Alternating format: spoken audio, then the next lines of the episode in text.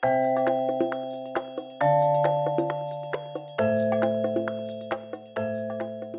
asr. Gary, siwr o ti boi? Iawn, very good, dwi'r. Ti, ys lawer dydd. Ie, yeah, gwa, dial. Sut ti'n cadw? Wy'n oce, okay, ie, yeah, ie, yeah. cadw'n fisi, diolch beth.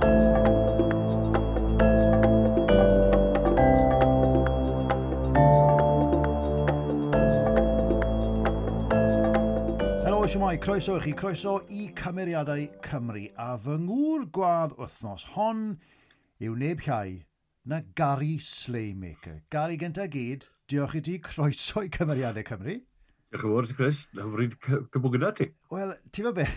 Um, ti'n gyflwynydd teledu, wrth gwrs, ti ar y radio, ti'n ferni ar ffilm, ti'n ddigrifwr, ti'n sgrifennu, ond fi'n lyco, fi lyco'r disgrifau dy hun ar Twitter, a mae yn neud bach o ymchwil gari y colen y byd, right? right. ond fi'n lyco'r disgrifiad funning about for cash since 1988. Bloody says it all, boy. Wel, mae'r man ti'n bod yn onest. Asaf, ie. Ie, gli. Mae'r ma term fanning about yn dod y tro cyntaf i cofio glywed a werthu'n ffiti bisiodd Vic a Bob. Uh, Reeves a Mort. Fanning about on a yacht, dwi'n credu oedd y term. Right. And just, a, a mae hwnna i fi, just, ie, yeah, mae'n crynhoi popeth wedi wneud yeah. ers dechrau. Fanio o gwmpas. Ie, yeah, exactly. A, a dim cymryd pethau gormod o ddifri, achos ddiwedd y dydd ni'n blydi lwcus beth ni'n neud o ran, ti'n bod, fanning around. Dyw e'n exactly job go iawn, o fe? Na, ti'n dim os fi yn treol tynnu glo mas o bwll, neu treol helpu rwy'n fel nyrs neu wrth hyn, mae be wy'n neud yn ddibwys o'n gymharu yn y bobl eraill. O, wel, ti a fi yn union rhi fath e. Ei, Clyw, fel digrifo, mae'n fi'n mynd, fi mynd i roi ti yn y deep end yn syth den, right? a ewn ni'n syth mewn i, achos yn ddiweddar, wrth gwrs, mae'n rhywbeth mawr wedi digwydd yn yr Oscars, a fi'n mynd i ofyn dy farn di yn syth am Chris Rock yn neud y joc ma am gwallt Jada Smith. Ydy jocs am unrhyw beth yn fair game yn dy farn di ac yn dderbyniol? Mae'n dibynnu ar cyd-destun. Mae'n rhywbeth wedi sgrifennu erthigol uh, yn yr wythnos ma uh, yn sôn am joc nath Jimmy Carr yn ei sioe his dark material, yn mynd i'r sipswn yn cael ei lladd yn sôn yr air o'r byd. Uh, a gweud, na, diwna ddim yn dderbyniol. Yn bennach, os oedd e ddim yn ddoniol, yr un broblem i'n credu, sef fydd y Chris Rock, oedd e'n ffain, ond oedd e, os, os oedd y reference point i am, am joc yw G.I. Jane, ffilm ddoth mas yn y 90au, bron neb i weld e, ti'n mewn trwbl yn barod, ti'n ma. Um, so, oedd e ddim yn joc arbennig o dda, uh, wy'n credu oedd e'n gwybod beth oedd cefndir uh, Jeda bod i, bod i wedi bod yn dioddau o alopecia ys rhai blynyddoedd. Yeah. Uh, so ar ran hynny, oedd e'n edrych fwy personol. Wy'n credu bod e'n wath o beth bod Will Smith wedi mynd lan ar lwyfan i roi, i roi smacen fe. Uh, twod, allai wedi gwneud e gymryd o wahanol ffyrdd eraill, jyst gweud rhywbeth. Yeah. Bydde jyst rhegi nôl at wedi bod yn ffain uh, o'n i'n mynd lan roi wagen i roi. Wel, ie. Yeah. A o'n amser weles i hwn yn gyntaf, ni'n meddwl, na dde actually gysylltu efo, na di di actually connect, fi'n siŵr on, ond mae hwnna'n rhywbeth arall. Ond ti'n ti, fi'n sôn am, ti'n bod, oeddi unrhyw joc yn dderbyniol. Fi wedi siarad o Noel James, ti'n abod Noel, Noel James. Ie, ie, ie. Mae wedi bod ar y podlediad yma, a mae fe yn o'r farn bod e, anything goes, bod rhywbeth yn iawn, a, a ti'n bod, bod, bod lot gormod o um, sensoriaeth wedi dod mewn i gomedi, stand-up, teledu yn gyffredinol yn ddiweddar ar Esbrec ac y bob sianel. So, yeah. ydy hwnna'n wir, ti'n feddwl? I raddau, mae hunan sensoriaeth yn broblem, wy'n credu. Pan pa, pa wyt ti'n uh, gweld comediwyr yn ail feddwl a ddyn nhw weid rhywbeth, achos uh, bod nhw wedi darllen pethau ar Twitter, neu maen nhw'n gweld bobl yn mynd yn... Ddim yn wleidyddol gywir, ond on, on just, twyd, ti'n dechrau meddwl, mae'n nosweithi comedi mewn mlaen yng Nghyrdydd, le maen nhw'n galw nhw'n safe space comedy, le wyt ti'n lle trafod pethau fel LGBT, pethau trans a bethau fel un, oh, right. heb bod unrhyw un yn ymyrryd neu'n ymosod yn, yn eiriol yn ti. Hmm. Um, a wy'n credu, dyle, dyle ddim fod angen hwn, dyle chi gael get away, dy gweud beth chi'n moyn, ti'n ma. yeah. uh, ar, ar syniad sy'n wastad i fod yn fi, os oedd i'n ddoniol, yeah, anything goes. Yeah. Os na un pwnc fydde ti just ddim yn cyffwrdd, hynny yw fydde ti ddim eisiau cyffwrdd? Uh, Wy'n yn gweld bod yr holocaust yn, yn bwnc y gyfer comedi o gwbl i fod yn onest ydy. Mm. Er wedi gweud ni, mae ma y ti boes fel Roberto Benini nath y ffilm Life is Beautiful, mae Max, dim Max Brooks, Mel Brooks wedi oh, wneud yeah. gymaint yeah. gyda'r gyda ail fel byd a Hitler a fethau fel la. Yeah. Ond, on, tywed, wi mynd i ddewig, sy'n cefnir dy fi, a lle trafod, a wi'n credu na'r peth, os nag wyt ti, uh, beth yw, e, skin in the game yw'r term Saesneg, os nag oes e ti rhyw gysylltiad i ah. bwnc, wy'n mynd credu bod e falle'n iawn i ti wedi wneud rhyw sylwadau mawr amdano. O, oh, okay. Well, felly dim hawl o ti wedi... Ie, ie, bydde ti'n teimlo i'n raddau, felly bod ti'n bod yn amharchus i bobl sydd wedi dioddau. Ie, yeah, ie. Yeah. Ond mae e'n bwnc mawr ar hyn o bryd. Mae fe'n ah, gweud, uh, na eich joc i hunan neu'r ffordd na Will Smith yn ymateb. Wel, o'n i'n lan yn mwtio, achos y beding mlynedd ddytha mae'r Oscars wedi bod ar un o Sianeli Sky ti'n gwybod talu amdano. Oh. Diolch Rupert Murdoch. Uh, ond wrth gwrs mae'r ffigurau gwylio wedi bod mor wael mlynedd ddytha, benderfynon nhw lenni, roi e mas ar un o'r Sianeli sy'n rhan o'r pecyn sydd fi, de, agwedd ffilmiau. So, steddau sy'n lan i wylio fe. A pan weles i'r peth yn digwydd i ddechrau, o, o, bit yw hwn, rhyw sketch o rhyw fath yw hwn. A wedyn, yeah. wrth gwrs, ath, ath Will nôl i'r gader, a ddechrau rhegi. Yn yeah. Oce, okay, di hwn, di hwn ddim yn joc, bellach. Yeah. A wedyn, mi lan i gael y bledi Oscar, a ddechrau lle, fan efo hwnna'n bizar. Oedd. Oh, anyway, anyway. So, uh, fi mynd i um, roi dyfyniad arall wedyn, ti'n mynd i, ti di disgrifio'r un an fel fi'n lyco, wrth y modd o'n fairly easy going, sometimes spectacularly blean, yeah. inherently lazy, but with a nagging need to constantly work. Ydy hwnna'n crynhoi dy gymeriad i'r blawddeg? Mae, mae a e gyd na. Uh, Pam blin, then? Mae'r rhaid, fi a Daniel Glenn yn siarad blynyddoedd yn ôl, a wedyn si y default settings to fi yw blin uh, wi'n wi bore yn teimlo'n flin, a os fi'n cyrraedd yng Ngweli'n teimlo'n flin, wy'n teimlo bod hwnna wedi bod yn ddwrnod da. Come on, really? Pa, pam ni? Ti mor, so ti mor negatif yn i, surely ti? Na, na, wy'n jyst yn grac yn erbyn y byd, a'i oh, diptra.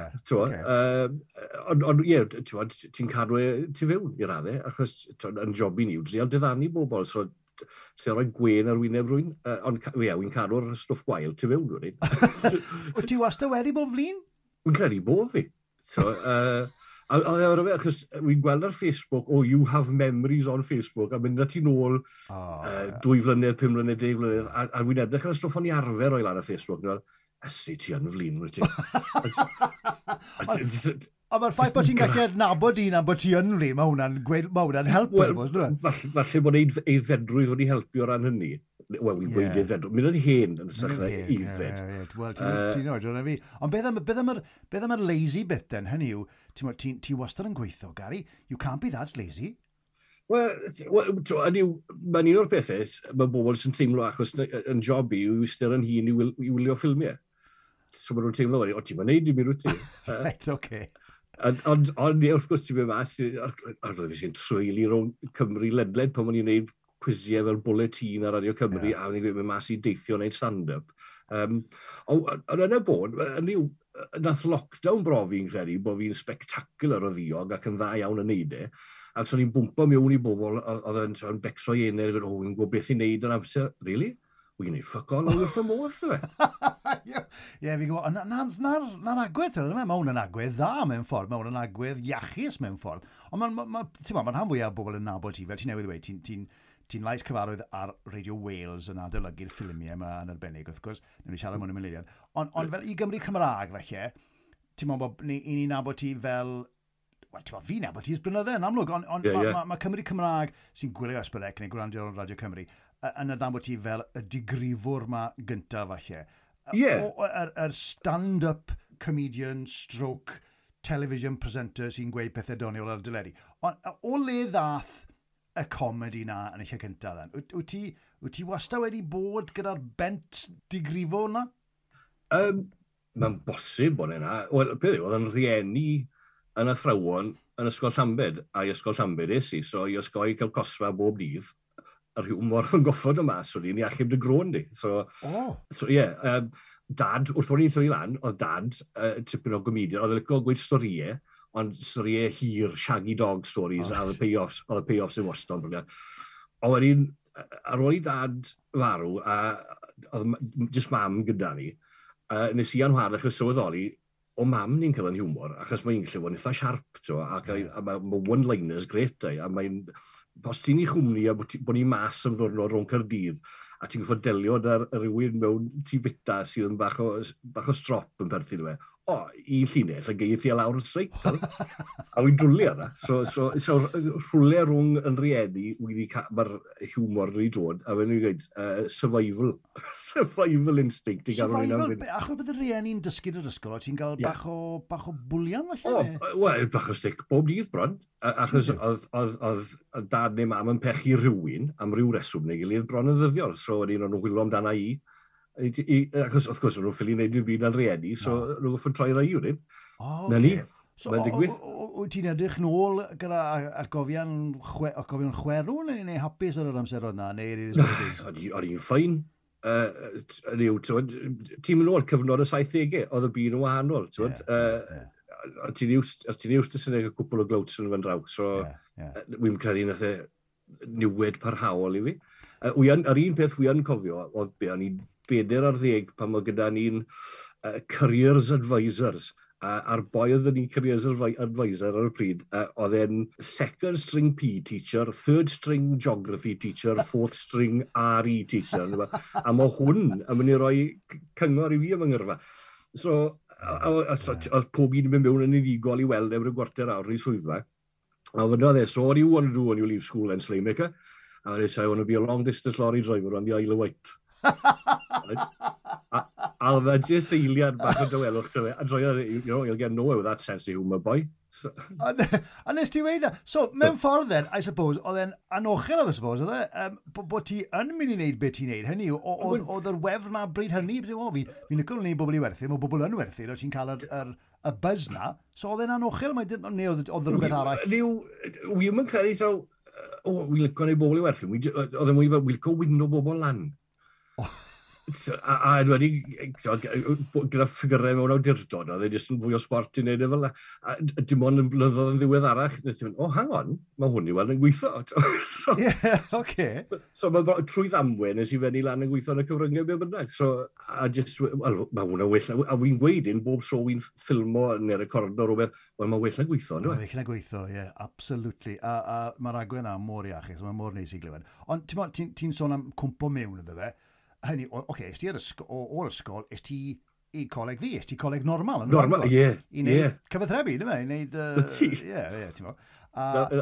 Os rwy'n gofyn, o, fydde ti'n newid yn rhywbeth yn dyfywyd, e, fydde ni wedi ffodani tair mlynedd yn y normal. Na, wel, nes i fwynhau y lleoliad y leoni, a, a, a, a fi'n gwybod beth ti'n meddwl, a es i lan na, pydyrnod, o'n i'n gweithio lan, a es i lawr i weld yr hen safle, a si ma, mae fel rhywbeth mas o, mae, mae, oh, mae, mae mor drist. Ond, ti'n ar ôl cael cwrdd normal, siwt wedi nes di gwmpo mewn i'r cyfryngau yma? Siwt, siwt dechreuodd yr holl beth? Y rhyfedd iawn oedd ar normal.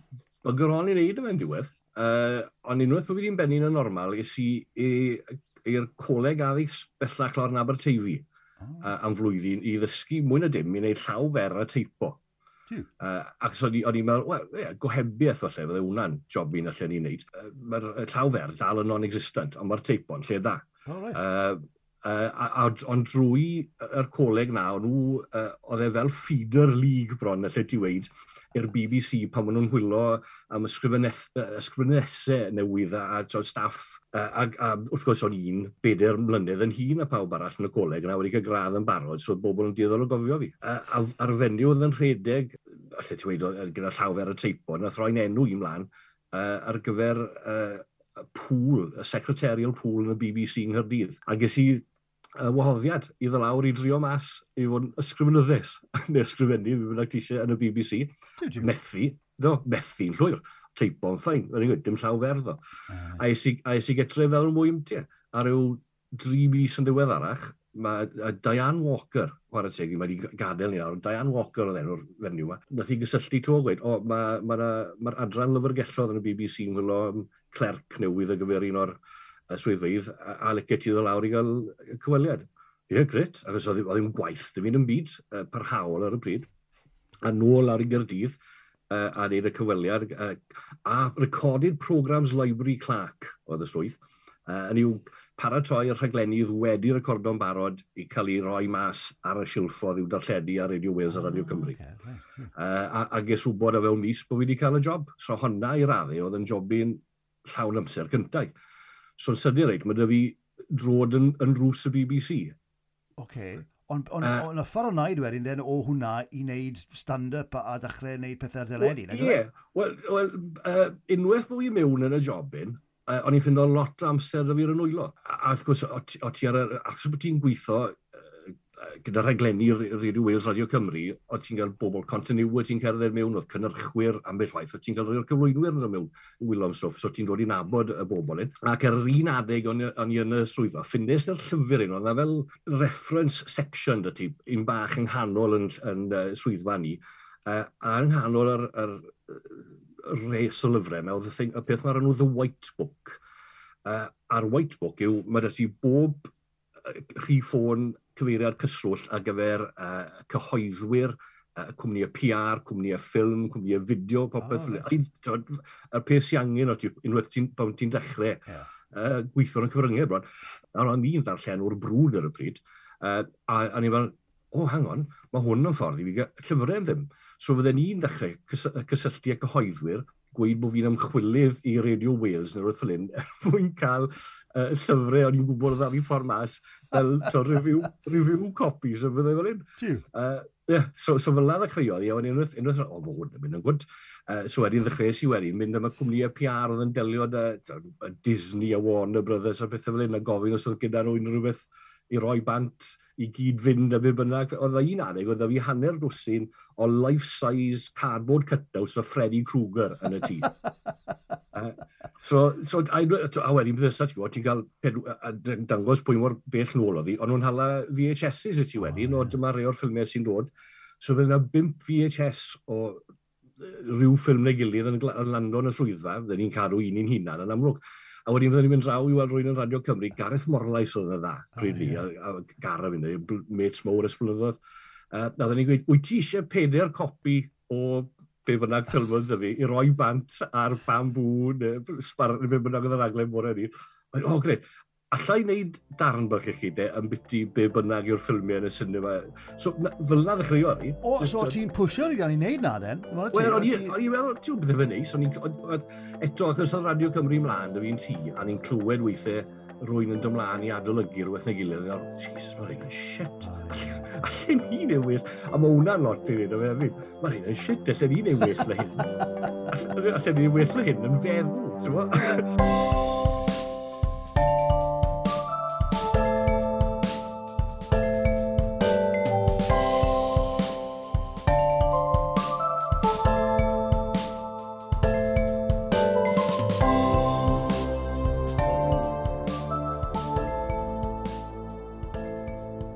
mynd ti a ynglyn â stand-up wedyn, mae'n lot o bobl yn gweud, o, oh, allan ni beth a wneud na, allan ni beth aros o flaen, pobl mae'n gyd, mae'n ddewr, fi'n teimlo.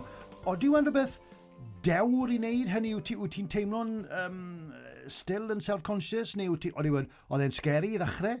Oedd, uh, a mae e dal uh, i fi, wy dal yn nyrfys cymryd rwyfan, achos, wrth gwrs, mae pob cynulleidfa yn wahanol, mae pob ymateb yn wahanol uh, so, so ti just ddim yn gwybod bygeidi yeah. am yr cwarter awr, hanner awr wyt ti'n mynd i fod ar lwyfan. Ond oedd y tro cynta, diolch beth, o'n i yn y cwps yn Aberystwyth pan wnaethon ni'r gen cynta, a oedd y gynulleidfa'n shitfist. So allan ni, allan ni di sefyll na, jyst mynd wibble-wibble ar y geg munud. a fydden nhw wedi werthu. Uh, o'r weithio i diolch beth. A'r hefyd fydden ni'n gweud, uh, yr falle y daith gyntaf wnaethon ni'n ôl canol y 90au o'n i'n i raddau'n copio Dennis Leary oedd yn boblogaidd ar y pryd, ond wrth gwrs oedd Dennis Leary yn copio Bill Hicks, oh, ond ddim hanner mor, hanner mor glefer. Right. So, ffindo'r llais yw'r beth uh, gyda comedi yn aml, nw ti'n ffindo dy lais, mae'n un yn rhwyddach. So, e- Wyt ti'n goffo addasu, eto fi wedi gofyn i, i nôl a cwbl bobl arall ynglyn â hyn, wyt ti'n addasu dy, dy rŵtín, dy acen, hyd yn oed yr iaith i, I suppose, yn y Gymraeg, o ddibynnu le wyt ti'n yn, yn y wlad? Wel, wy'n siarad mwy ar yn y gogledd, achos maen nhw'n slow yn gryndo. Hei, dech o'r chi. Okay. Hello, North of Aberystwyth. Ie, mae Nghymraeg i'n fwy cywir yn y gogledd, achos wy'n siŵr fydden nhw'n uh, gallu uh, cweit deall uh, y yeah. tyfodiaeth. No. Um, Wy'n cofio Miss Rwy'n sy'n nofel gyda uh, y Sach Wynwrs, a hwnna'n dyfoniaeth llwyr ar yna Llambed a ni digwydd bod lan uh, yng Nghanarfon, a nhw wedi dyl sy'n o'r taxis. Oedden ni newydd ar allan y llyfr, a mae'n gweiddi, a ni'n cerdded yn draws y maes, a fi'n clywed uh, dyl yn gweud, Sle, sy'n o ti? E, dew sy'n ei Italia, dwi'n newydd allan o'n ofal, o, oh, briliant, be di sialfo?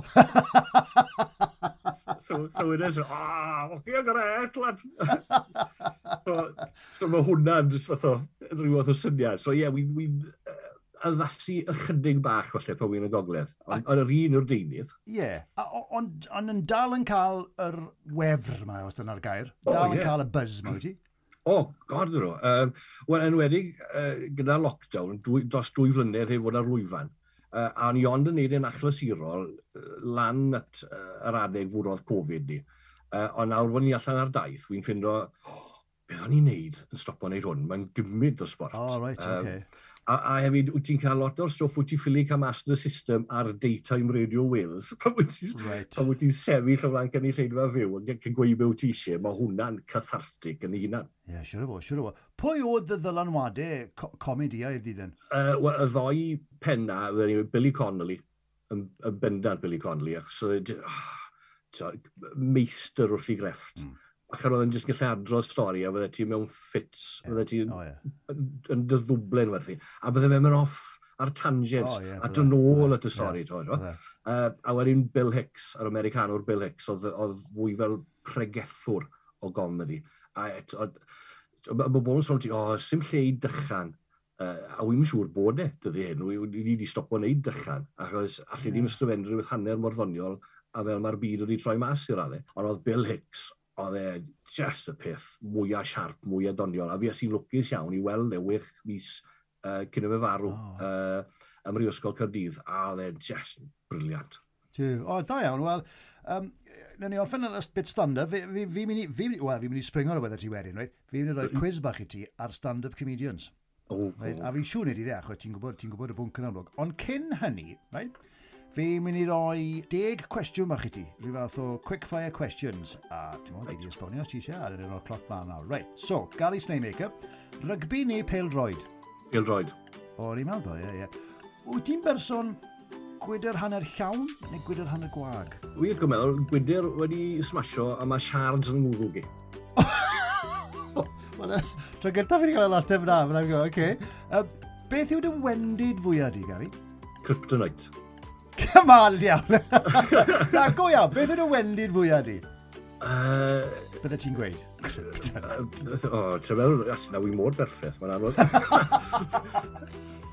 Humility, na ge. Um, hunan ddybio. Ydy hwnna'n yeah, sens? Yeah, Ie, yeah, bod fi neud rhywbeth, o, hwnna'n ddigon da, neu wy'n siŵr sy'n gweithio, a wedyn ti'n cael ymateb, O, oh, oce. Okay. okay. so ansicrwydd yw hwnna, yma? Ansicrwydd, yna'r gael yw hwnna. Ie. Oce, gwyn gwyn a gwyn coch? Coch. Cerdded yn y mynyddoedd neu cerdded ar draeth? O, oh. uh, ddewellu gyda yn y mynyddoedd, fwy'n onest. Ie, yeah. oce. Okay. Right. Uh, wyt ti'n berson bore neu berson nos? Uh, nos, garantid. Right. Cwn y cathod? Wy'n fy ffyst, yw'n onest. O, na? Na. O. Oh. Fydd yn ffest. Oce. Wait, Jack, Jack, canu gysle, canu gysle, canu gysle. Yn yw, mae cathon o fe, mae'r war, mae cathon o hi, a wy'n lygo cwnt. So, oce. Swn blaen norfi eithaf wy'n Na, ah, fair enough. Um, na re. Pwy oedd the childhood crush cynta di? Ar y Fawcett Majors. Oh, yes. Oedd y poster yna. O, ni, a gyda fi. Poster, ie. Charlie's Angels, ie. Oh my god, ie, fi'n gofio hwnna. OK. Pryd oedd y trwetha nes ti ddawnsio? Oh, good grief. Mae hwnna yn gwestiwn da. Uh, priodas, falle. O, oh, ie, yeah, oce. Okay. Rhaid blynedd yn ôl. Uh, Ti'n ti goffa cael cwbl y beint cym ymlaen ar, ar, ar oh, dance floor? O, do. Yeah, Mae'n ambell i angladd yn ni bod mynd i. Fydden ni wedi dansro'n sobor. Ond, uh, na, ie, ie, yeah, rhaid took, ie, yeah, priodas. Ie, yeah, rhaid blynedd yn ôl. A, a lan at ynglistau mewn gwrw wneud ni hefyd. Ie, ie, ie. O, na'r ffordd dda. Wyt ti eriod wedi dwgu rhywbeth? Do. O, Iasi, i dath yna bach. Rwy'n gloi gari, ie, goren. Wtio, ni o'n tiar y dwgu stwff o sioper o'n Llambed, o'n ti'n bach yn rheoledd, uh, comic, sweets, ro, uh, siop Roddy Rhys, wrth gwrs, mwyn ar i cael nawr, so wy'n saff. Do, o'n i'n spray paint fe o'n i'n dwgyd, uh, darts, So, ie, yeah, wir plant. Beth be ti'n ei spray paint? Ie, yeah, so, oedd e'n just, just yn her, ti'n gwybod, iwan, allai ti'n gael tin, achos oedd e, e'n dwywedd trwch uh, tin o deodorant, a ti'n un hyd, So, oedd e'n fwy fel, allwn ni gael hwn mas o'r siop neu bod ni ddim yn gweld. Oh, so, uh, oh, okay, so yeah, yeah, yeah. Anyway, oh yeah, so, so wy'n mynd angen o beth ffordd. O, fe ti'n gweud, mae pawb wedi, wel, hynny yw, falle dim erbyn hyn, ond dyddiau amser ni'n tyfu lan, fe ti'n gweud, 70au, e, oedd pawb yn mynd na sweets o, o siop Mr Grimley's yn Abrenon oedd ni, neu, neu, neu dwgyd y beth, ti'n gweld, ti'n gweud, o, A, ah, ieffach. O, da iawn. Wel, mae hwnna'n ma adrodd cyfrolau am Gary Sleibig. O, oh, reid. Wel, ti'n mwyn, o'n i siarad gyda fach ynglyn â, a, a ffilmiau. Na re, ti'n mwyn, o le ddath, uh, wel, gai weid obsesiwn mewn ffordd yeah. am ffilmiau gyda ti. O le ddath hwnna yn, yn, yn tyfu lan yn cwman yn iambed fyna? Na'r beth, oedd ti cinema, temporary cinema yn y Victoria Hall yn Llambed, ond ah, right, okay. unwaith bob cwpl o a ti'n mwyn gael unrhyw beth oedd street mas y cinema, so uh, Commodore Aberystwyth ar lyric cyfyrddin oedd yn yeah, uh, yeah. llefydd i fi. Er wedi gweud ni, wrth gwrs, ti'n neuad Abereiron yn ddangos ffilms hefyd. O, ddar un pryd, ti'n iawn oedd, ie. A, a mae dwy o'n hoff atgofio ni uh, o fynd i'r pictures yn ifanc gyda dad, a wedyn gyda'r dad sydd ar fai, i'r raddau hefyd, oedd mynd lan i Abereiron uh, un wythnos i weld Guns yn Aberon, a rhyw gwpl ddosau rôn i fynd nôl lan i weld Where Eagles Dare Wel, nath i, nath i ddobl bil. Nath i ddobl bil, ie. Yeah. a, a, a dad yn fan anferth o lyfrau Alistair MacLean, so oh. oedd yr esgus dy fe, oedd eisiau mynd i weld ffilm a llusgo fi gyda fe. Yeah, um, yeah. A o'n i'n fwy'n hapus. So, cofio mynd i'r pictures pan i'n fach, mynd lan i'r Commodore i weld Chitty Chitty Bang Bang gyda'r gyda rhieni, ond yr atgofion sy'n wastod, yr atgofion sy'n wastod yn glir yw fi a dad yn mynd i'r pictures. A, a fel arfer, nhw'n ffilmiau o dad eisiau gweld a fynd yn mynd cymryd gyda fe. So, ar ôl i ni wneud uh, gan sy'n o'r weddings der, yr un nesaf yn cofio mynd yna fe, oedd lawr i'r cinema'r castell yn Abertawe i weld Zulu. O, oh, na de, ti di sgrifennu erthig, fi wedi ddarllen erthig, ti di sgrifennu am hwn, ie, am, am Stanley Baker y bethau, yna fe? Ie, ie, ie, a wnaethon ni rhaglen i Radio Wales uh, yn dathlu uh, pen blwydd y ffilm i raddau, a, mynd, a fi o'n i rown, fi o'n i siarad uh, Lady Baker a, a bobl oedd yn ymwneud â'r ffilm, a bobl hanes, haneswyr oedd yn, yn, yn siarad am y cyfnod. A oedd e fod yn ddathliad o'r ffilm Zulu, ond ddenodd i lan yn ddathliad o'r ffilmiau oedd yn cysylltu fi yn had, achos oedd Zulu yn un o'r ei cyntaf yna. Ah, um, a beth o'n i wedyn yn ffindo, un o'r Zulu mas o'r ffordd, yna ffilmiau wedyn, yn credu oedd eisiau mynd i weld, ond oedd ddim yn teimlo allai fe fynd ben i hunan neu, neu fynd am am. Okay. So, fi, so oedd yn iwso fi fel yr esgus i fynd i weld nhw. A, a na siwt fennon i lan yn gweld Jaws. O, oh, yes, iesgob. A oes fi'n gwybod, oedd e, weddol siŵr oedd eisiau gweld on, oedd e'n meddwl bydd e mam yn ffansio ffilm amdani Shark Attacks. So, a, a, a wy dal yn cofio, yn Abertawe, welon ni o'na. Uh, a wy dal yn cofio'r noswaith cyn bod ni'n swyli Abertawe, yn dad yn siarad yn wncl Wyn. O, ti'n meddwl bydd y crwt yn oreit, so, dwi ddim rhi wael, beth fel, just cywed darnau bach yn sws, na, fydd yn oreit, fydd yn oreit, falle ddim gysgu, ddim noswari, falle, o, fydd yn oce. so, ffain, so, droed disadwr gadael Llanbyr lawr i Abertawe. Mam yn offi siopa, dad yn gwneud yr edrych ar e. A, a wy dal yn lle cofio sefyll o flaen yr awning, just ar geiriau jaws o'i flaen i yn, y cinema yna. Oce, okay, wedi clywed yw'r diwrnod, wedi gweld y poster, mae hwn yn dy'r siarc yn fe. A i ni mewn, oh, a mae dal yn un o'n ffefrynnau, Jaws. Mae'n mae, mae dal yn sort of dal, anyway. O, e, nes, nes bod ti'n edrych bach rhi agos ar yr actual siarc yn werthu. Ie, e, ti'n cyrraedd yr 10 munud wythaf Uh, yeah. Sel, yeah, yeah. mae hwnna bach gormod o rwber, yeah, ond fydden yeah. ni ddim yn newid e, no, achos mae'n no. mae ffilm berffaith. Uh, a wy'n cofio'r bit, uh, wrth gwrs, ar, ar y lygfa enwog, le mae ma Richard Dreyfus yn edrych o'r twll na yng, yng Ngwylod y Llon. Oh, yeah, pen, pen yn y mas. Wel, nides i, ond oedd dad bron yn clirio dwy res. uh, a o'n i'n licod goffa fe hwnna, roedd ie, ie. Ges i ofan, ond nes ti gachu ni'n anfon. Ti'n bo, fi'n fi, fi cofio yn ystod y cwrs yn, yn y normal, o'n i'n dadansoddi ffilmiau, o'n i'n dadansoddi Psycho neu Sem Samurai neu Apocalypse Now, e bynnag. A wedyn, ti'n bo, fe ddys ti i sgrifennu reviews a gwylio ffilmiau. Nawr, bloody hell, ti'n sôn am, ti'n bo, pwy mod lwcus wyt ti, ti'n cael dy dalu i eistedd mewn cinema neu be bynnag a, a, a edrych ar ffilms a wedyn sgrifennu reviews amdano nhw. Yeah. Oeddi i sgrifennu reviews yn anodd weithiau gwed. Oedd e'n anodd i, i, i fod yn, yn, yn feniadol heb fod yn rhy gas neu, neu, neu, neu be? be y, y ffilmiau anodda i adolygu yw'r rei canolig na sy'n cael falle wech allan o ddeg. Dyn nhw ddim yn oh, wael, okay. ond dyn nhw ddim yn dda chwaith.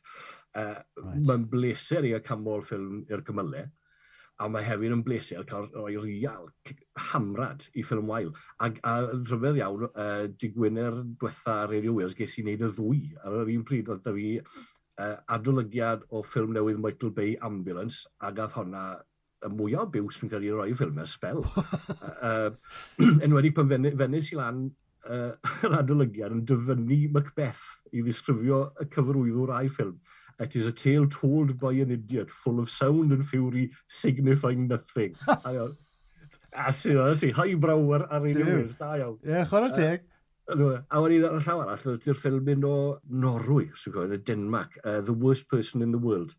Sy'n just yn ffantastig. Y ffilm comedi rhamantus, eitha tywyll ar y degau, ond mae'n wych.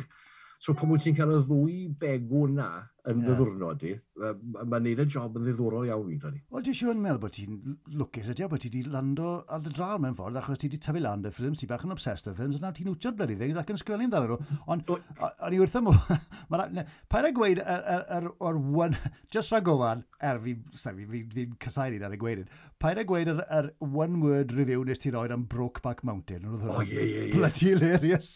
Ydy ti. Mae hwnna, Ac oedd hwn yn y cyfnod pan o'n i'n reid adlygaru ar Western Mail. A weithiau ti'n watcho rhywbeth, o, y comedian, y comedian sy'n dy i jyst yn, mae dy fi gag, mae dy fi gag fan hyn. Uh, a dim ond dwywedd hales i mewn uh, adolygiad i'r Western Mail oedd on yn cynnwys un gair. A uh, ti Brokeback Mountain, a rhywun, nawr ni'n sôn. A'r llall oedd ffilm, y ffilm gerddorol na, uh, Chicago, nath uh, Catherine Zeta-Jones ennill Oscar, am yeah. ryw reswm. Uh, a nes i just ala mewn yr, yr un, yr arlygan un gael, gwy, shit Cargo. right, okay. I can't, can't make it, so yeah, that's very funny, Gary, now do it properly. yeah, by tomorrow, yeah, yeah, yeah. yeah. Uh, a ti sôn am sgrifennu, ti sôn am Western Mail a ti sgrifennu yn cylchgronau, a, a ti yn neud, neu ti wedi neud ba, bach o, o bob peth yn amlwg. Ti, wedi bod y cyfresu yeah. Esbyrrec, a, a Radio Cymru, Radio Wales, popeth, ond, eto fi wedi neud bach o ymchwilio, The way I see it, if the Lord doesn't mess with me, then I won't mess with him. Popeth ond rhaglenni crefyddol, neu unrhyw beth yeah. crefyddol you don't want to know, yn y fel ni. Na, uh, achos ys da fi, os dim ffydd da fi, uh, a wyn os dim ffydd da fi, mae'n bobl a crefydd uh, organised religion, de, wedwn ni. Yeah. Uh, wy'n credu bod e'n achos fwy o boen a, a niwed ar y blaned na unrhyw beth arall. So, wy'n mynd i gecran nhw dwi'n meddwl bod rhywun yn cecran dda fi. So, ie, yeah, wy'n cael o bant o'na. Yn 2005 wedyn, es ti'n neud y beth bach yn wahanol eto, nes ti sgrifennu nofel Gary Slaymaker, hello. Ie. Yeah. Well, uh, beth oedd e? Y sach wynwns. Ie. Wedyn, achos o'n i mas o waith. Oh. Uh, os oedd, uh, cyfres cyfres yn dod i ben ar Esbyrrec yn, yn fwy disymwll nag oedd unrhyw un o'n i'n uh, disgwyl, ond diolch i Ona Jones mae hwnna, ond mae hi wedi mynd nawr. Uh, ond ie, a'r peth rhyfedd oedd y syniad yn ratlo ar ôl ymhenni ers ti dwy flynedd. Ond i wedi darllen, darllen erthigl mewn rhyw gylchrawn pel drôn, o'r sy'n fawr graid stori briliant fan hyn. Uh, a, a be oedd e, am beth tîm yn Nigeria uh, cyflogi witch doctor i bendithio uh, uh, i can nhw, i chwaraewyr nhw, uh, allai ti'n fel, fel Man United Nigeria, neu falle right. ddim na ddim Man United, ond on, mwy lower league fel Everton, neu right. rhywbeth fel lad. Okay. A eithon nhw mlaen i ennill y, y lig y rwyddyn ni. A wrth gwrs, er, er, er, ddim y chwaraewyr oedd yn cael y clod, ond y witch doctor. a o fyna, lle mlaen wedyn, nath arlywydd uh, Nigeria glywed am yr, am yr witch doctor iddo cael ei ddod mewn i, i fendithio'r tîm cenedlaethol a rhyw flwyddyn ath y tîm cenedlaethol rhan i ennill yr African Nations Cup. o, oh, classic. So, eto, amdemi, so, uh, er tal gath yr uh, witch doctor bach ma, oedd top of the range Mercedes. Ond oedd e dal yn byw, mewn fel mud hut bach yng nghanol y dwst a'r baw i gyd yng nghanol Nigeria, a oedd e'r car rhyfeddol i fas i fas, oedd e'n e dreifo, oedd e'n byth yn iwso fe. So hwnna ddechreuodd, y syniad, a wedyn, ie, yeah, so'r syniad o'r beth sy'n ni'n cymryd y Witch Doctor yn, yn bod yn dod i, i fendithio tîm oh, non, non, non-league Pil Drod yng Ngorllewin Cymru. Oh, right. A fel, so, ie, yeah, un munud bron fennodd cyfres Leimaker, sydd eisiau ar y reich mamser dwi'n yn wylo, a mae bach o cash di cefer yn barod, diolch beth, lai, lai ffiw trwy'r miso nesaf. Yeah. Uh, a ratles i, uh, gymryd just dros fus, ie, yeah, just dros fus fi ysgrifennu y sach wynwns. Uh, a nes i adael i wedi'n bythefnos tair wythnos, a wedi'n mynd nôl i weld beth oedd angen cywiro a un a'r llall, a ah, mae'n oce. Okay. okay.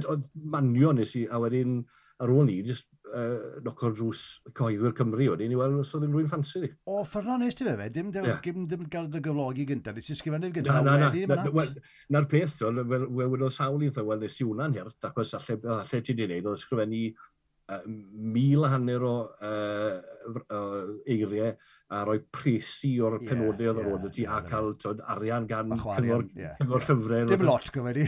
Na, na'r peth. O'n i barod 15,000 o eiriau mewn y llyfr, pan wedodd bobl unfaith, so o bygr i'n mynd i fenni ddi nawr. So, yeah, so yn ytrach na yn y gobeith, uh, o'n i'n meddwl, o, mae hon da fi, wedi benni fi, so wedi siopa i rowd. Ond dim wedi sgrifennu dy byd as hynny? Yn, uh, hynny, llyfrau hynny yw? Do, wi, ers ni wedi sgwennu un yn Saesneg. O, oh, right, okay. uh, Gath i gyhoeddi o oh, pedair mlynedd o pum mlynedd o... Uh, uh, Geraint Wyn Zombie Killer.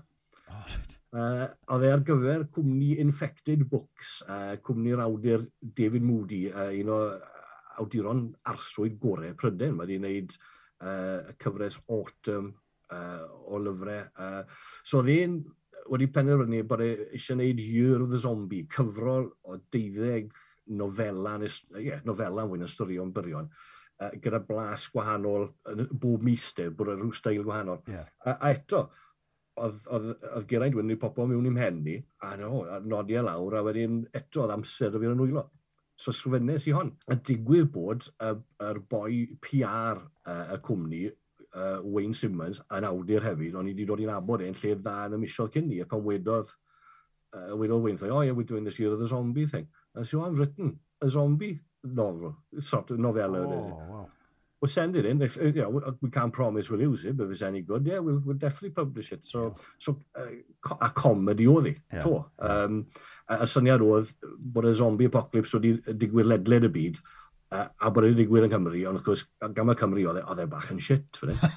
E, oedd e ddim byd i ala wfan yn ti'n gwybod ydi. A, ma, a nes i uh, efyd osgoi'r uh, arferiad a fi o'r rhegi i left, right and centre. A, a trial yn eli i at cynulleidfa iau yn lle fe, young adult. Oh, young, young adult, ie. Uh, yeah. A ffain, a les i mewn, nath y boes, uh, wein dda iawn yn cywiro a, a altro a, a bethau, ond nath i mas yn y diwedd fel rhan o'r o'r deuddeg llyfr.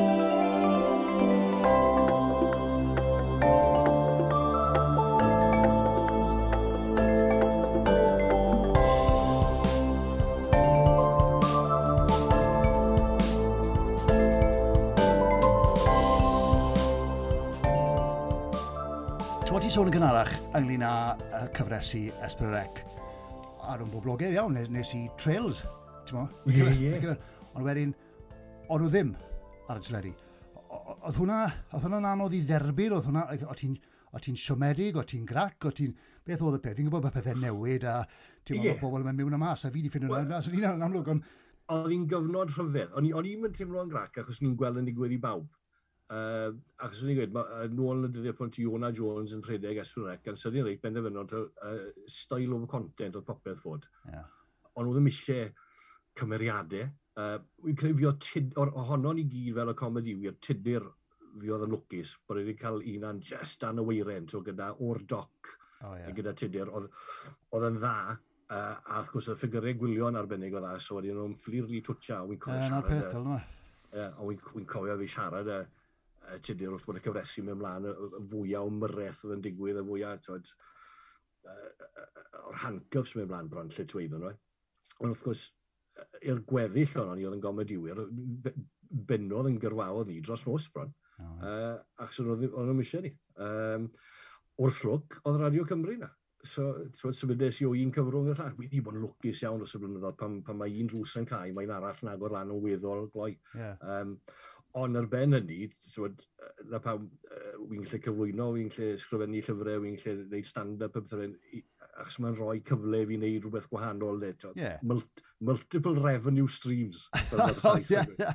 Ond so, on, on dyna beth sy'n cael ti fynd felly, yr emrywiaeth, yeah. a a bod ti'n cael cyfle yn i wneud pethau gwahanol. Yn exactly fel fi gael, chi'n ei bethau wneud yeah, yeah. un beth trwy dydd bob dydd. So, mewn ffordd, ti'n lwcus bod ti yn gallu wneud bach o bob peth. Well, dyddiau hyn, fi pan mae rwy'n yn cynnig rhywbeth, fi'n gweud, reit, wy erioed i gwneud hyn o blaen, dyma ne, driwn Uh, A, a, a, a, na pan mae lot o'r jobs i'n dod yn ffordd ni, achos fi eisiau trial rhywbeth gwahanol i bwysio ni dan. Yeah, yeah. Um, pan maen nhw'n dangos uh, uh, rygbi'r uh, gyngrair ar Esbryd y Rec. Uh, pan wedi lan yn uh, berobot ar Crusaders.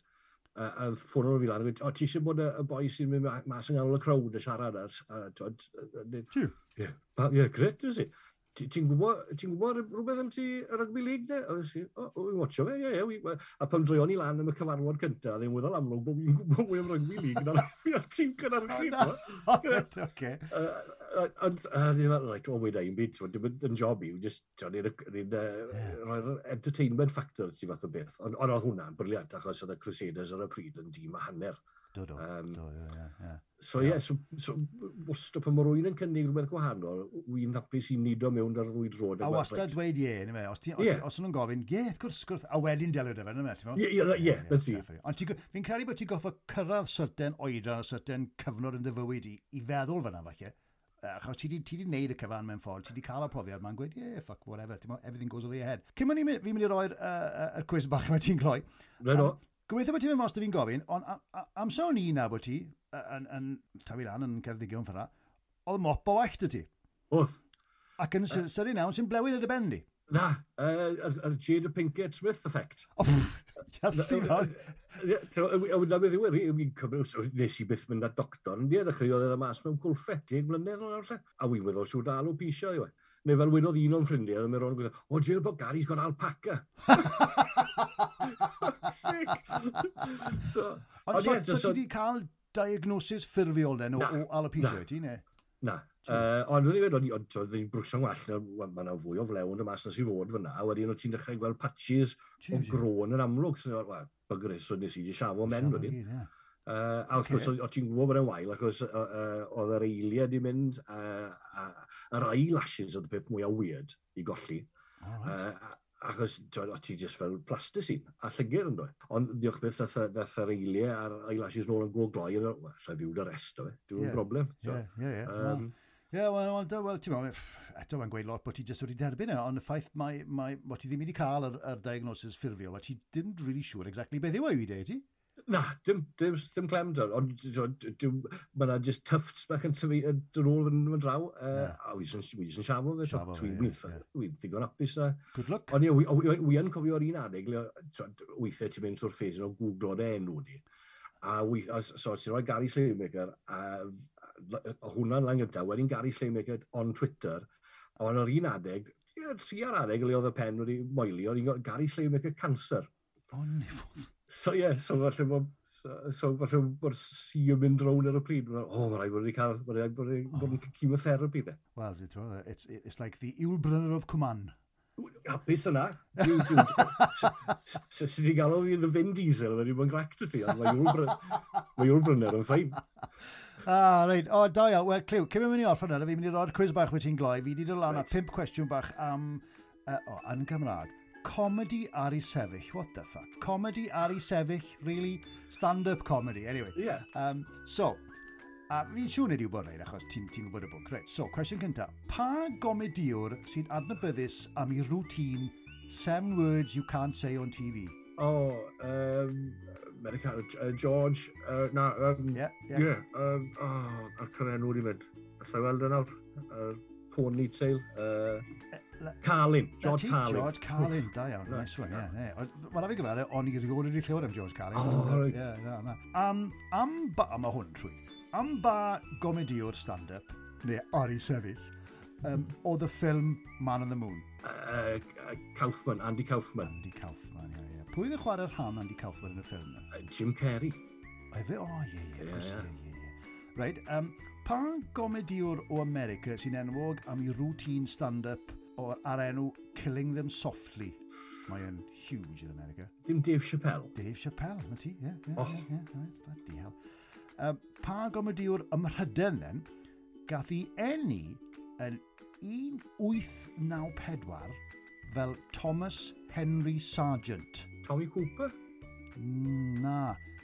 The Cheeky Chappy, Max oh, Miller. Max, na, Cymro, dde. Yeah. ife? Wel, So oh, na, na, na, am hydiau, na, na, na. Am hydiau, sorry, sorry. Sorry, right, yeah, yeah. O, na, ie, oh, na, Tommy Cooper, ah. gyffili, ti'n iawn, ie. Thomas Henry Sargent, Max Miller, Cheeky Chappy, ie. A cwestiwn ola, ble ar Ynys Môn y ganwyd Tudur Owen? Cwestiwn digon dwl. Sa'i gofio o'r ffarm. E, Niwbwrch. Na, ddim gwaith ddim yn bell. Bod organ. Bad organ, ie, yeah, ie. Yeah. yeah. So bagar ôl i gael e, ond... na Na'r peth, pam ti'n meddwl bod yn byw'n fel i'n eli? Wel, ie, erbyn hyn, mae, ie, ti'n iawn, ie. O, da iawn, honest ti, da iawn, na, o'r ti, ond gwybod beth ti'n gwybod y bwyd, gysgwb, da, reit. Wel, ti'n meddwl, mae pethau wedi bod yn anodd, wrth gwrs, dros y dwy yn y denyr, dwy fynnedd a hanner diwethaf yma gyda, mm. gyda Covid a bethau a nath gwaith stopo falle nawr y pethau'n dechrau mynd nôl. Beth yw'r gynlluniau? Ti'n ti mynd ar daith cyn o hir os yna cynlluniau i wneud fwy o waith tyleri? Ti'n cael ymlaen y radio ferin neu? Uh, ni'n canol taith stand-up glatch ar hyn o bryd sy'n mynd o'n i drwyddo i ganol ebryll. Uh, unwaith bod am y ffordd, mae rai fi eistedd lawr a cael y, cael y, y busau ar y allweddill ac swy'n ysgrifennu uh, comedy one-off ar gyfer Radio 4 uh, sydd yn cael ei darlledu mis hydref. Wow, wow, wow, wow, hang on. Ma, really? Mae hwnna'n big yeah. deal. O, oh, rhaid de. Um, Radio 4? Ie, yeah, a beth sy'n neis, mae mas yn hwyr yn os, falle o'n bach fwy agored. Oh, Gary, mae'n amazing. Fi'n gwybod, fi'n gwybod bod tyddr wedi bod yn Radio 4 yn weddol diweddar hefyd, ond i ffaith bod ti wedi cael hwnna, mae'n amazing.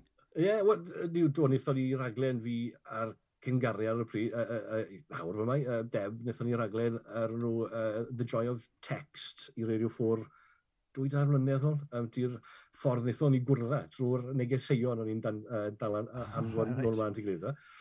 So, so i radde, oedd yna drod yn y, yn y drws yn ni gyda'r radio yn barod, right. uh, a lot o gariad tuag at yr aglen, diolch beth. So, hale, eto, syniad ydy menu yn ystod y cyfnod clo. A so nhw'n sôn am y ti, uh, uh, y gweithwyr hanfodol ydy ti, twyd, a yn ei plith o'n i, wel, well, os bosib mae boes Deliveroo nawr yn essential workers, uh, achos dwi'n pob un gytre ffili symud, yeah. a mae'r boes dyn yn mynd rownd y dre ar ei beics yeah, yeah, a fydde, yeah. a â Chinese a Indians a fath So syniad Himeni, meddwl mae'r boi sy'n ymwneud rown nawr yn ennill, sy'n ennill arian lle dda yn delifro bwyd i dau bobl yng nghanol pandemig, dychmygas a zombie apocalypse yn lando ar ben hwn hefyd.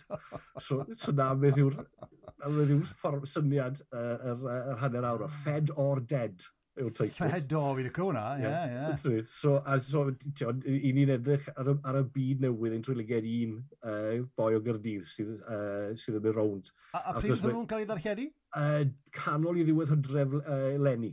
O, oh, reid, oce, okay. so mae bach amser un o'n ni, reid, oce. Okay. Ie, yeah, so mae'n ma cael ei delivery ar y sgript tu am i saws, so right. fi'n head down ass up yna unwaith yeah, mwy mas o'r yeah. Uh, Ond on dal yn cael ymlaen gyda, gyda Radio Wales a... a Wel, bellach rwy'n gwybod. A fwy o stand-up, gobeithio? Ie, yeah, um, un o'r pethau wnaethon ni yn ystod lockdown hefyd, oedd e jyst un o'r pethau, beth ti'n mynd i wneud i ladd amser?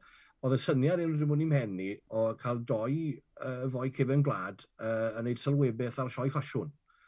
Uh, a hales o'r syniad i esbrec, o'n na, chi'n ma'n reit, dim problem. Oh, yeah, no. um, a, a, so ffain, o'n i'n meddwl, mae rhywbeth fan hyn. So, i cysylltiad ar, ar, ar, ar, ar cyd bartner i yn y busnes dau, yn dyn sain ni, Dan Lawrence, Floss, so, ni'n nabod e, a wedyn yn ffrind i Stefan Evans, y comedi o'r Eglwys Wrw. Oh, yeah, a, wed, a wedyn sy'n beth o dwi'n fras, ni'n mynd i wneud, ni'n sioi ffasiwn a doi hambon, technically, a wneud uh, sylwebeth yna. Uh, so ffindes i glip o sioi ffasiwn ar YouTube, ar rhad ac am ddim, a wedyn seddon ni lawr, uh, edrych trwyddo fi a Steff, neu cwpl o'n adiadau, eithon ni mewn i'r studio, a wedyn jyst cael dwy run arno e. Uh, just, right, mae cwpl o nodadau, dyn ni ond yr awio o'n off top yn pennau ni. Uh, a mae y mas nawr allai di weld ar YouTube dan y teitl uh, Sioi ffasiwn a lam ros dall y blaca. O, rei, byddai'n edrych mas o hwnna, neffer ydw. Erbyn hyn, mae'n cael rhywbeth o 90,000 o views. y blaca. So, a ma jyst yn ysgiws i fi a, a, a Steff Regi, fwy o dim, a oh, camfiafio. So, wnaethon ni onna, a thi lawr fel storon, so wnaethon ni ailin, uh, tair sir o sport, o fel, achos bod Olympics eili ganslo, benderfynodd Sir Gar, uh, Sir Gyfyrddin a Sir Benfro bod nhw'n mynd i gael rhyw fath o Olympics yn ysgu gilydd. A na gyd o'n eto, jyst ffindo clips o'r y chwaraeon mwyaf mental rhwng y byd a, a finne a Steff fel y cymeriadau sydd ni wedi creu, Wyn a Fyf, uh, yn ei sylwebydd dros i penner o. Oh, ah, okay. So, i ni nawr, a, a, a gath Wyn a Fyf i outing cynta yn fyw uh, yn yr egin, yng Nghyfyrddin, beth i bythefnos nhw. Right. A weithio dde.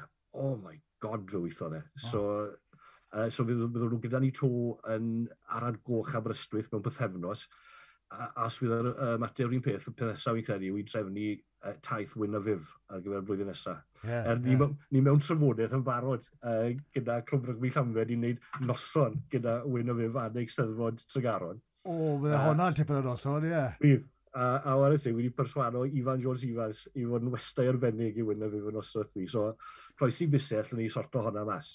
Gwydwch yn. O, oh, ffantastig. Wel, mae ma mor neis i weld ti to. Fi'n falch bod ti'n dal yn frysur ac, ac, yn meddwl am y pethau mae o hyd ysgwb. Dan ti'n, fe ti'n gweud, ti'n uh, in, inherently lazy, but also ti'n lygo neud rhywbeth trwy'r amser. Sy'n sy briliant. E, mae'n rili really neis i weld ti. Fi'n falch bod ti'n ti, ti cael nhw'n iach ac yn popeth. Um, cyn bod ti'n mynd, fi'n mynd i roi ti ar yr ynys golledig yma am rhywbeth efnos. Ti'n mynd i gael brec bach, reit? Um, stim right. plug, stim electricity ar yr ynys yma. Ond beth yw'r un peth rhyw fath o luxury item fel gyda ni. Neu'r un peth ti'n mynnu mynd gyda ti i wneud bywyd bach yn haws yn mwy bearable. Uh, Wel, sy'n pwynt mynd unrhyw fideos neu bethau fel ac. Ti'n be, elen ni a gyfrol gyfan o'r comic Watchmen.